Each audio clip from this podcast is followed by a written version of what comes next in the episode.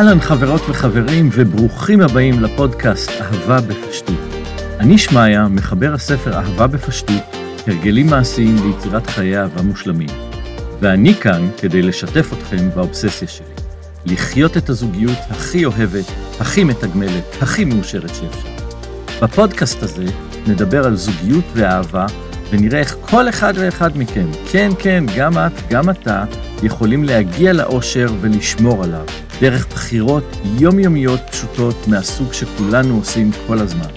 בפודקאסט הזה נחתור לגלות את העקרונות להצלחה באהבה ואת הדרכים המעשיות והמועילות ביותר לבטא את העקרונות האלו בחיים ובזוגיות שלנו.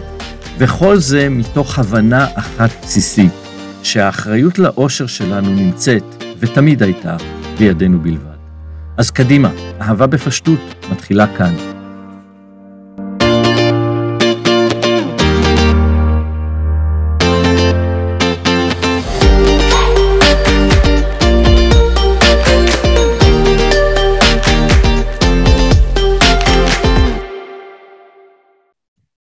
אהלן חברות וחברים, הנה אנחנו בפרק נוסף של אהבה בפשטות, והיום אני רוצה לדבר על תופעה מאוד מאוד נפוצה ומאוד מאוד מכאיבה בהרבה, אה, בהרבה מקרים, אצל הרבה זוגות, וזו תופעה הזאת של שחיקה בזוגיות. ולמה אני רוצה לדבר על זה? כי נזכרתי בזה השבוע, יצא לי לדבר עם חבר, והוא אה, סיפר לי שהוא עומד לצאת לחופשה, אה, הוא קופץ עם אשתו לקפריסין לשלושה ימים. ואני ניסיתי להבין למה רק שלושה ימים, כאילו אם כבר יוצאים מהארץ, כאילו קח עוד יום חופש, עוד יומיים חופש, אתה יכול להרשות את עצמך, מה, תבלה קצת, מה זה שלושה ימים, אתה רק טס, אתה מבלה חצי יום בכל צד בשדות תעופה, מה, מה הקטע? ואחרי קצת דיבור וכל מיני קשקושים שהוא אמר לי, בסוף יצא המרצע מהשק, והתברר שבעצם מה שהוא רוצה להגיד זה, אמ, אין לי כל כך מה לעשות איתה, או אני לא כל כך רוצה יותר משלושה ימים בילוי צמוד, אני נהנה מזה, אני אוהב את זה, אחרי איזשהו זמן מספיק לי, אני, אני, אני רוצה משהו אחר. אני מעדיף לחזור לעבודה, אני מעדיף לעשות משהו אחר, מספיק לי שלושה ימים. וזה היה נראה לי כזה קצת מוזר, כי אני, אין, אין לי מספיק, אוקיי? אני יוצא לחופשה עם, עם אשתי, מבחינתי חודש, כאילו בכיף, אם הייתי יכול להרשות לעצמי. ו, ואני יודע שזו תופעה שהיא נפוצה, זה קיים אצל הרבה אנשים, זה לא משהו שהוא יוצא דופן. וזה מתבטא גם ביום-יום, זה מתבטא ב, במין כזה, אין לנו כבר על מה לדבר, אה, אנחנו כבר לא מבלים כל כך הרבה ביחד, כי כל אחד בעניינים שלו, ו, וכשאנחנו ביחד אז, אז אה, הוא עם הטלפון, אני עם הספר, אה, היא בטלוויזיה, אני במשחק מחשב, שנינו עם האף בטלוויזיה ולא מדברים אחד עם השני, וכאילו זה נהיה משעמם, זה נהיה שגרתי, זה נהיה לא מעניין, ונשאלת השאלה האם זה חייב להיות ככה. ואני לא מאמין שזה חייב להיות ככה. קודם כל, כי אני מכיר גם זוגות שאצלם זה לא ככה, אבל במיוחד כי בחיים שלי זה אף פעם לא היה ככה. וכשדיברתי עם החבר הזה בתוך כדי שיחה, אמרתי לו, תשמע, אבל מה, מה, כאילו, אני, אני, רק תן לי, מה, שבוע, עשרה ימים, כאילו, לפחות חמישה ימים אני כבר יוצא. אז, אז הוא אומר, טוב, אתה זוגיות צעירה, אוקיי? וזה נכון שאני ומרינה נשואים רק ארבע שנים, ואנחנו רק חמש שנים ביחד, אבל אה, ללימור הייתי נשוי 29 שנים, וזה תמיד היה ככה. והכרנו עוד יותר מזה, אנחנו היינו בסיכומו של דבר, הכרנו 35 שנים, ו, וזה לא חייב להיעלם. אז אני רוצה לדבר היום קצת על, על, על העניין הזה של למה זה נעלם, ו, ומה, יותר מזה, מה כדאי לעשות כדי שזה לא ייעלם, מה הדבר הכי חשוב, הכי פשוט שאנחנו יכולים לעשות כדי שזה לא ייעלם. אז קודם כל, בואו נחזור רגע לבייסיק. ההתאהבות, הפרפרים, המהומה, ההתמכרות הזאת שאנחנו חשים בהתחלה, זה נפלא, זה נהדר, זה עובר, אוקיי? זה פיזיולוגי, זה גנטי, זה טבוע בנו, אי אפשר להישאר במצב הזה יותר מכמה שבועות, כמה חודשים, שנה, שנתיים גג, אוקיי? זה עובר. עכשיו, אני לא כרגע הולך להיכנס לכל הסיפור של הבעיה של האנשים ש, שמתמכרים לזה ובעצם מתמכרים להתאהבות, ולכן כל הזמן מחפשים את זה ולא יודעים להפוך את זה לאהבה בוגרת. אנחנו מדברים כרגע על אלה שכן הפכו את זה לאהבה בוגרת, כן אה, ייצרו זוגיות לאורך זמן, אבל הם, סופ, הם סובלים מה, מהעובדה שזה נשחק, זה משעמם, זה, ו, ו, וזה אחר כך פתאום יש פחות השקעה בשימור הזוגיות, יותר עסוקים בילדים, יותר עסוקים בקריירה, בלשלם את המשכנתה, כל אחד בדברים שלו, ופחות ופחות זמן חשוב ביחד, זמן איכות יחד, זמן שבו באמת משתפים, מתחברים, עושים ביחד, ו, וזה השגרה, והכל נהיה מוכר, ואת יודעת מה הוא יגיד לפני שהוא יאמר, יספר את זה. ולך כבר אין כוח לשמוע עוד פעם את הסיפור על רינה מהעבודה והשטויות שלה וכמה זה מרגיז. ו, והילדים זה הילדים והבית ספר זה בית ספר וזה, וזה לא טוב, זה משעמם. ואז מה שקורה הרבה פעמים זה שצד אחד מתחיל להרגיש שמשהו לא מתאים לו. והוא מתחיל לחפש כזה, אז אולי נעשה ככה, ואולי נעשה ככה. וזה השלב שבו מתחילים, אה, בוא נקנה סלון חדש, בוא נהפוך את הבית, בוא נעבור דירה, בוא כל מיני דברים, ומה שקורה הרבה פעמים זה שאחד מבני הזוג מתנגד, הוא בעצם, זה, זה ביטוי שהוא מאוד שומעים אותו הרבה פעמים בזוגות אה, כאלה, בעצם אם הייתי מספיק טוב בשביל ה-20 שנה, למה עכשיו היא רוצה שאני אשתנה? מה, מה עכשיו זה? למה, מה נכנס לאיזה ג'וקים לראש? למה עכשיו היא רוצה שאני אשתנה? ו... וזה תמיד מצחיק אותי שאני שומע את זה, כי darling, אמ, אם עברו 20 שנה, השתנית, וכפי הנראה לא לטובה, אוקיי? אין מה לעשות, זה חוק טבע.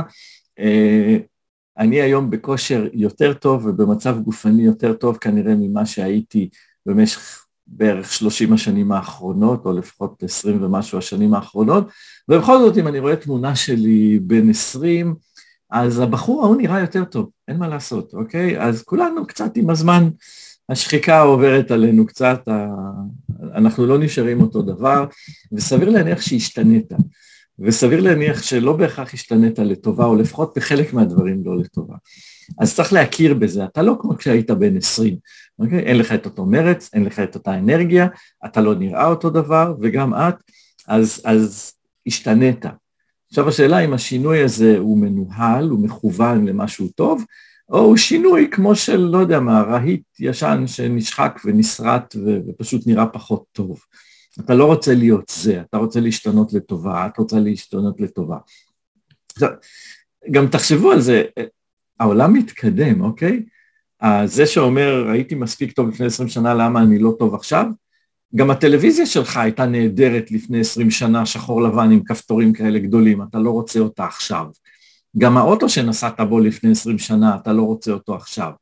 אלו, גם אתה מחפש דברים אחרים, גם את רוצה דברים אחרים. אז לצפות שימשיכו לרצות אותנו את דגם 1980 או את דגם 2000, אה, גם בשנת 2022 ולא ירצו שום שינוי ולא ירצו שום שדרוג ולא ירצו שום שיפור, זה לא נכון וזה לא ריאלי. אנחנו צריכים מעצמנו לרצות להשתנות ולהשתפר, וכן, עוד פעם, אנחנו מביאים בחשבון את המציאות. כנראה שבגיל 60 אני לא אראה כמו בן 20, לא חשוב מה אני אעשה, ואני גם לא חושב שצריך, זה לא הנקודה. כי המראה בפני עצמו הוא לא כל כך האישו, בטח לא בזוגיות ארוכת טווח. אנחנו לא נשארים עם מישהי רק בגלל השיער הבלונדיני שלה, וכשהוא יאפיר, אז זהו, כאילו, זה נגמר. זה, אם זה הסיטואציה, אז אנחנו אנשים שטוחים ועלובים. אבל אנחנו כן, וזו הנקודה היותר משמעותית שהרבה אנשים מפספסים, המראה הגופני הוא הרבה פעמים, זה לא האישו של איך אתה נראה בדיוק, זה השאלה של האם אתה משקיע בעצמך, האם אתה אוהב את עצמך, האם את אוהבת את עצמך באמת, אוקיי? זה קשה לצפות ממנו שהוא יאהב אותך כשאת 20 קילו יותר ממה שהיה כשהתחתנתם, אם את לא אוהבת את עצמך, אם את קמה בבוקר ומסתכלת במראה בביקורתיות, אז מה את מצפה שהוא יחשוב? אם את אוהבת את עצמך כמו שאת ואת מרגישה טוב עם הגוף שלך, סבבה, גם הוא צריך לקבל את זה. אבל זה בדרך כלל העניין הוא שאנחנו מסתכלים, והוא יש לו את הכרס הגדולה הזאת, ואומר לעצמו, mm, טוב, לא נורא, אבל כאילו, זה, זה לא נורא. אוקיי, אם אתה, לא אכפת לך באמת, אם זה לא מזיז לך, אם זה לא חלק מהדימוי העצמי שלך, ואתה אוהב את עצמך כמו שאתה, אז זה פחות חשוב. אבל אם אתה מסתכל על עצמך ואתה יודע שזה רק סימן לחוסר שליטה עצמית, לחוסר משמעת, ושהיית רוצה להיות אחר, אבל אתה מתעצל לעשות את המאמץ בשביל להיות אחר, אז למה אתה חושב שמישהו אחר יסלח לך על זה, יקבל אותך ככה, יותר טוב ממה שאתה מקבל את עצמך באמת? אז קודם כל יש את העניין הזה, אנחנו כן צריכים לעצמנו לשמור על עצמנו, אבל מעבר לזה, הדבר היותר חשוב, זה ההתפתחות שלנו כבני אדם באופן כללי, כי ההתפתחות שלנו כבני אדם תורמת לנו אישית ותורמת לנו לזוגיות.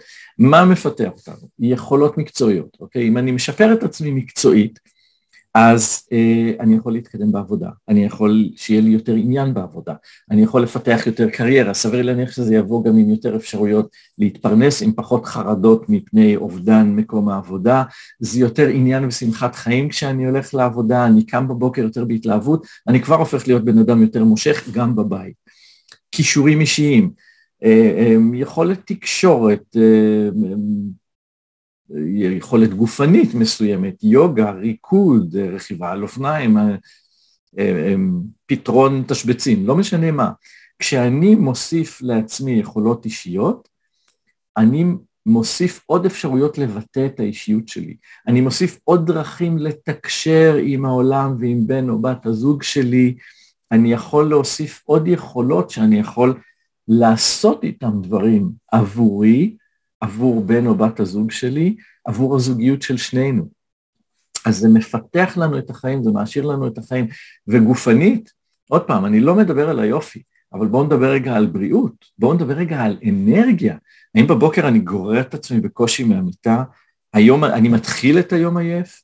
אני, אני, אין לי כוח כבר על הבוקר, אז מה יהיה לי בערב, בסוף היום? מה נשאר בשביל בן או בת הזוג שלי? מה נשאר בשביל הזוגיות שלנו? כלום, בסוף היום אני רק צונח על השפה וכל מה שיש לי כוח זה לבעוט בטלוויזיה. אז אני לא תורם ככה. אבל אם אני שומר את עצמי במצב שיש לי אנרגיה, יש לי שמחת חיים, יש לי את היכולת הגופנית, וזה משפיע, אל תשלו את עצמכם. אוקיי? מי שסוחב על עצמו 30-40 קילו מיותרים, נדירים האנשים שמסוגלים לסחוב על עצמם את המשקל הזה, ושזה לא יפגע להם בשינה, ולא יפגע להם ברמות האנרגיה לאורך היום, ולא יפגע להם באיכות החיים. וזה אותו דבר אם אני רזה, אבל אני כל כך לא בכושר ולא עושה שום דבר, ככה ש, שאני עולה את המדרגות הביתה ונגמרתי ואין לי כוח. אז גם זה, זה משהו שהוא מקשה על הזוגיות שלי. לא נשאר לי אנרגיה בשביל לעשות. אנחנו חושבים על איזשהו רעיון ואין לי כוח לעשות את זה. אין לי כוח לחשוב על לצאת עוד פעם מהבית וללכת לסרט, אין לי כוח על לחשוב על, על ללכת איתו עכשיו לטיול על שפת הים. אז הזוגיות שלנו נפגעת מזה. אז העניין של ה- ה- לשמור על הבריאות ועל המצב הגופני התקין, זה חלק חשוב מהיכולת שלנו לתמוך בזוגיות הזאת ולפתח אותה. ו- ואני יכול לפתח את עצמי גם דרך קשרים חברתיים. עוד חברים, עוד מעגלים חברתיים, עוד מכרים, זה לא אומר שאני חייב כל הזמן ללכת להתארח ולארח ולהיפגש בבתי קפה, זה לא הנקודה. הנקודה היא שאני מגדיל את האנשים שאני מכיר, שמכירים איתי, שאני בקשר איתם, אני חווה עוד צורות התנהגות, אני חווה עוד רעיונות, אני חווה עוד דרכים לתקשורת עם העולם, אני רואה איך הם עושים את זה, אני מקבל מזה רעיונות שאני יכול לעשות אחרת ושונה ואולי יותר טוב. בתקשורת שלי, בזוגיות שלי, בשאלה בכלל מה אנחנו עושים. מי בכלל חשב על הרעיון הזה לצאת לחופשה על יאכטה? Okay. אוקיי? זה בא מבחוץ, לא היה לי את זה קודם. מי בכלל חשב על האפשרות הזאת ללכת לאכול במסעדה אוזבקית? Okay. אוקיי? כי, כי מישהו אחר עשה את זה וסיפר לי שזה היה רעיון נפלא. אני סתם ממציא כרגע דוגמאות, זה לא חשוב, אבל זה הקונספט. אתם מקבלים, זה מעשיר לכם את העולם, התקשורת הזאת, הקשר הזה עם אנשים אחרים, ומה שמעשיר לכם את העולם, מעשיר לכם את הזוגיות. ואפילו אם זה סתם תחביבים? רכיבה על אופניים, מקרמה, אוקיי? בישול, לא חשוב מה. אם אתם מקרה יכולים לעשות את זה ביחד, אז נפלא, זה גם מוסיף פעילות שאתם עושים ביחד. אבל גם אם זה פעילות אישית, שזה משהו שהצד השני פחות מתעניין בו, אתם עדיין יכולים לקחת כישורים ויכולות ודברים שאתם עושים שם ולהכניס אותם לתוך הזוגיות. אתם עדיין יכולים, וזה אולי החלק הכי חשוב, להוסיף לעצמכם התלהבות ועניין ושמחת חיים שמשפיעה עליכם והופכת אתכם לבן אדם יותר מעניין, יותר מלהיב, יותר כיף להיות איתו. וזה אולי הנקודה הכי חשובה להבין. לא חשוב לאיזה כיוון אנחנו מתפתחים, ולא חשוב באיזה אופן אנחנו מתפתחים, אנחנו מביאים עם זה יותר לזוגיות. כשאנחנו נהיים יותר, אנחנו יותר גם בזוגיות שלנו, והזוגיות שלנו נעשית יותר, לא רק הזוגיות, אגב, כל הקשרים האנושיים שלנו. ואנחנו נעשים יותר מעניינים, אנחנו נעשים יותר מסקרנים, אנחנו נעשים פחות מובנים מאלינו, זאת אומרת, יותר קשה, אנחנו לא כזה צפוי לגמרי בדיוק מה הוא אומר, כי, כי יש דברים חדשים, קורים דברים חדשים, יש, יש עוד עומק, יש עוד תוכן, יש עוד פתאום מה לגלות, אז נכון, אנחנו עשרים שנה ביחד, אבל פתאום נוסף לדבר הזה שאני לא מכיר, ו- וזה מעניין, וזה מושך, וזה מאיר צדדים אחרים שלה. אז, אז כל הדברים האלה משפרים את הזוגיות. ונקודה צדדית שהיא פחות uh, ככה רלוונטית לנושא, אבל, אבל היא קיימת גם, יש זוגות שבהם צד אחד מרגיש באופן עקבי יותר חלש ואולי אפילו תלותי. למשל, כשצד אחד הוא המפרנס היחיד, הוא מביא את הכסף והצד השני אה, לא. אה, למשל, כשצד אחד נחשב מאוד חברתית מאיזושהי בחינה, סתם, לא יודע, אני, אני כרגע סתם זורק איזה דוגמה, אבל בסדר, אה, המוסכניק שהתחתן עם הדוקטור שהיא בת למשפחה של פרופסורים, אה, אבא שלה שופט בבית המשפט העליון והכל, כאילו, לצורך העניין כאילו מעמד חברתי. ואז יכול להיות סיטואציות שצד אחד מרגיש שהוא החלש יותר, שהוא בעצם תלוי, שלצד השני יש הרבה יותר אפשרויות, ולכן אין לו כל כך אה, מילה, אין לו כל כך דעה, הוא, הוא צריך כאילו להיות יותר פסיבי או, או פחות דומיננטי בזוגיות הזאת, כי, כי מה לעשות, הצד השני הוא הקובע. אז ככל שאתם מוסיפים לעצמכם יכולות וכישורים ומפתחים את עצמכם כבני אדם, המשוואה הזאת משתנה. ואתם בעצם מקבלים זוגיות שהיא יותר נכונה ויותר טובה, כי זוגיות שהיא חד צדדית כזאת, בדרך כלל יש בה בעיות אחרות גם. אז, אז ככל שתפתחו את עצמכם, אתם בעצם מוסיפים לעצמכם משקל, גם בזוגיות, גם בחיים בכלל.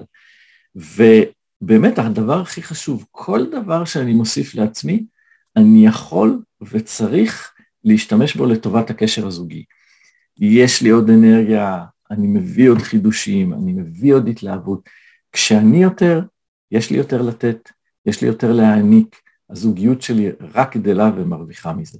וכשאתם מפתחים את עצמכם ככה, לאורך השנים, ותמיד אפשר להתחיל גם אם לא עשיתם את זה עד עכשיו, אתם תגלו שהעניין הזה של השחיקה בזוגיות נעשה פחות רלוונטי, כי השחיקה הזאת, זה, זה התחושה הזאת ששום דבר לא משתנה, זה השעמום, זה היום יום שהוא אותו דבר, אבל פתאום זה מפסיק להיות אותו דבר. פתאום נכנסת התלהבות חדשה, פתאום נכנסת אנרגיה חדשה, פתאום נכנס עניין חדש. ואפילו אם זה נכנס רק בצד אחד, זה בדרך כלל משפיע ומשפר את הכל. אז אפשר להגיד שבמידה מסוימת מה שאני אומר לכם זה אמ, תחזרו לבית ספר, לכו ללמוד, לא חשוב מה, לא דווקא בית ספר, לא דווקא אוניברסיטה, אבל לכו ללמוד משהו חדש בחיים, לכו ללמוד משהו חדש על עצמכם, לכו תלמדו לעשות משהו חדש, ותגלו שהזוגיות שלכם רק משתפרת מזה. בהצלחה לכל השחוקים לשעבר, מחר יהיה יותר טוב. להתראות עד הפעם הבאה.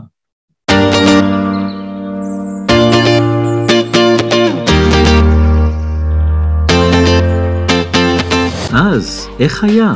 אם אהבתם, אל תשכחו לעשות לייק, להגיב, והכי חשוב, להירשם לפודקאסט כדי שתקבלו אוטומטית את הפרקים הבאים. אפשר כמובן גם לצפות בהקלטה בערוץ היוטיוב שלנו, וגם שם כדאי להירשם לערוץ, לעשות לייק ולהגיב. זה יעזור ליוטיוב לספר לכם כשנעלה תוכן חדש, ויעזור לאנשים אחרים לגלות גם הם את הפודקאסט. אשמח לשמוע מכם מה אהבתם, מה לא, מה עוד מעניין אתכם, ויש המון דרכים לספר לי. אם אתם מקשיבים בספוטיפיי, יש לכם אפשרות ללחוץ על הקישור בתחתית תיאור הפרק הזה ולהקליט הודעה קולית שתישלח אליי ישירות. בערוצים אחרים וביוטיוב אפשר להשאיר תגובה, וכמובן אפשר לשלוח אימייל ל contact שמיה ב gmail.com, או להתחבר לעמוד הפייסבוק של זוגיות מאושרת. איך שלא תעשו את זה, בואו נתחבר ונמשיך יחד את המסע לזוגיות המושלמת. ועד הפרק הבא, יאללה ביי.